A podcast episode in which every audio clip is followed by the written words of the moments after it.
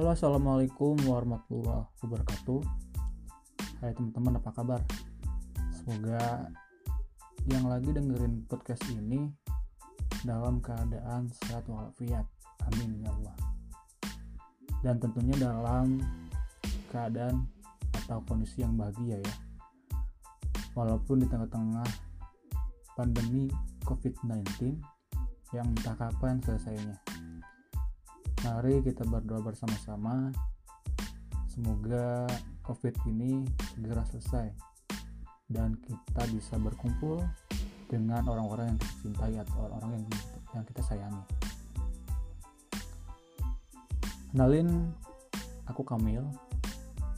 Aku sekarang lagi nempuh pendidikan di salah satu perguruan tinggi Islam negeri yang ada di kota Bandung Kamil ngambil jurusan bimbingan konseling Islam. Dan sekarang lagi menjalani proses atau menjalani perjalanan di semester 6 pada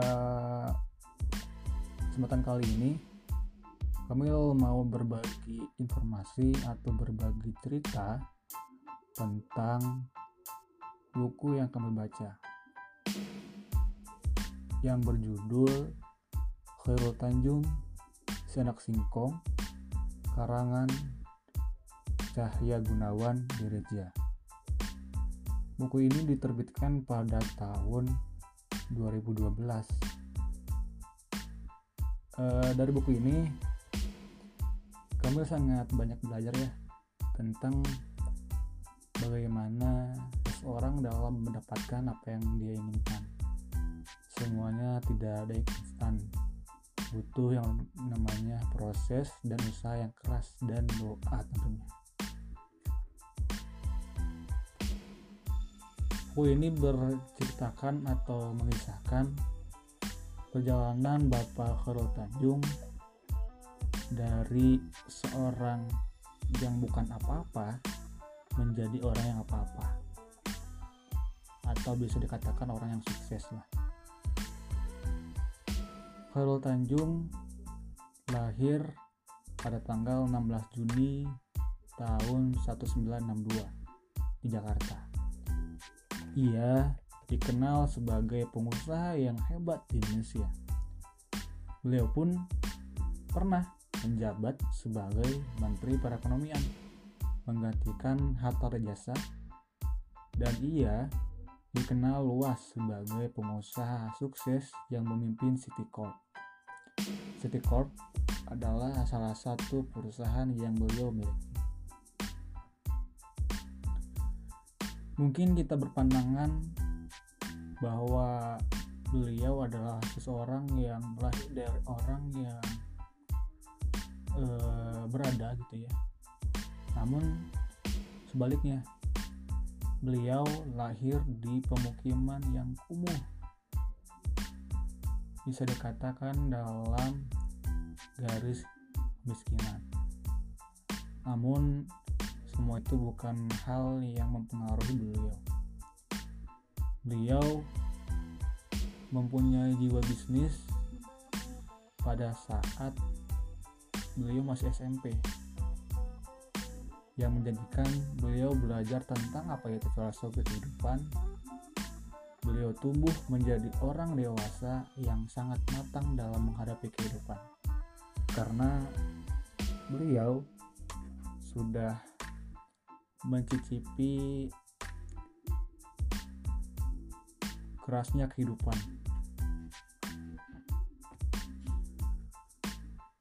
Beliau pun pernah atau sempat men apa ya menempuh pendidikan di perguruan tinggi.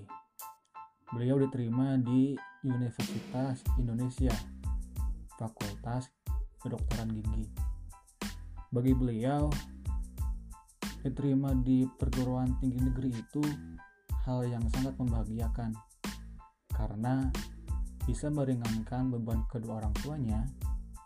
Bahkan beliau pernah untuk membayarkan ongkos kuliah awalnya saja atau ongkos kuliah perdana, perdananya saja ibu beliau harus menggadaikan kain halus miliknya. Semua itu demi anak. Dengan begitu beliau bertekad ingin membayarkan kuliah dengan caranya sendiri tanpa harus melibatkan kedua orang tuanya. Di sini kita belajar bahwa orang tua akan melakukan apa saja untuk anaknya. Dalam mulai atau dalam beliau berbisnis, kepercayaan adalah kunci atau modal utama dalam berbisnis.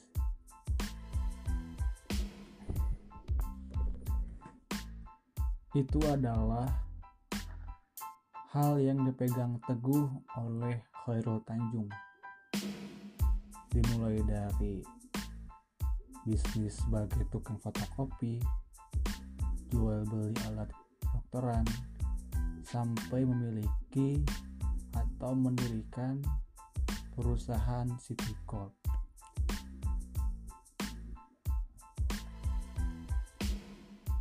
Namun semua itu butuh yang namanya proses dan waktu.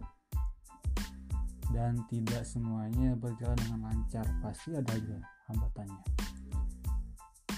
Seperti pada tahun 97, negara kita tercinta ini pernah terkena yang namanya krisis moneter. Akibat hal ini, hampir semua perusahaan gulung tikar atau bangkrut karena tidak mampu menghadapi persoalan yang sangat berat. Tapi tidak untuk Pak Khairul Tanjung. Perusahaan yang beliau pimpin selamat dari yang namanya krisis moneter. Bahkan bisa dikatakan masih mampu berlari di saat orang lain untuk berdiri pun sulit.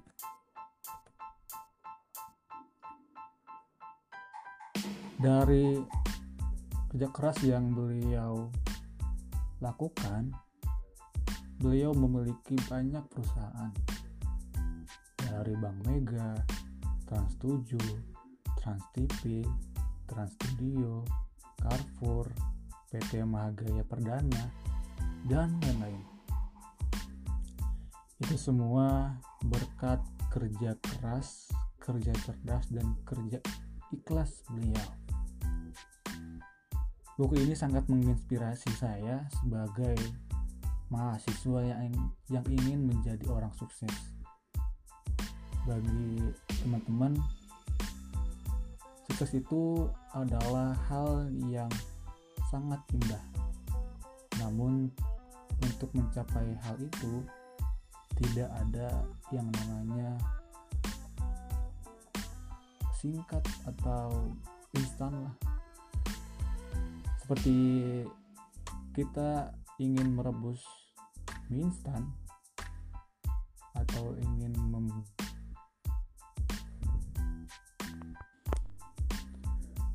untuk makan mie instan saja kita perlu yang namanya merebus atau kita perlu usaha dulu untuk memakannya jadi buat teman-teman yang ingin menjadi orang sukses mari kita memulai mimpi dengan kerja keras tanpa batas dengan diiringi oleh doa-doa yang sangat.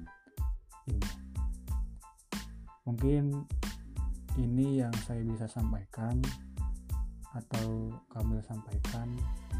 Mohon maaf bila ada salah-salah kata atau salah-salah ucap. Wassalamualaikum warahmatullahi wabarakatuh.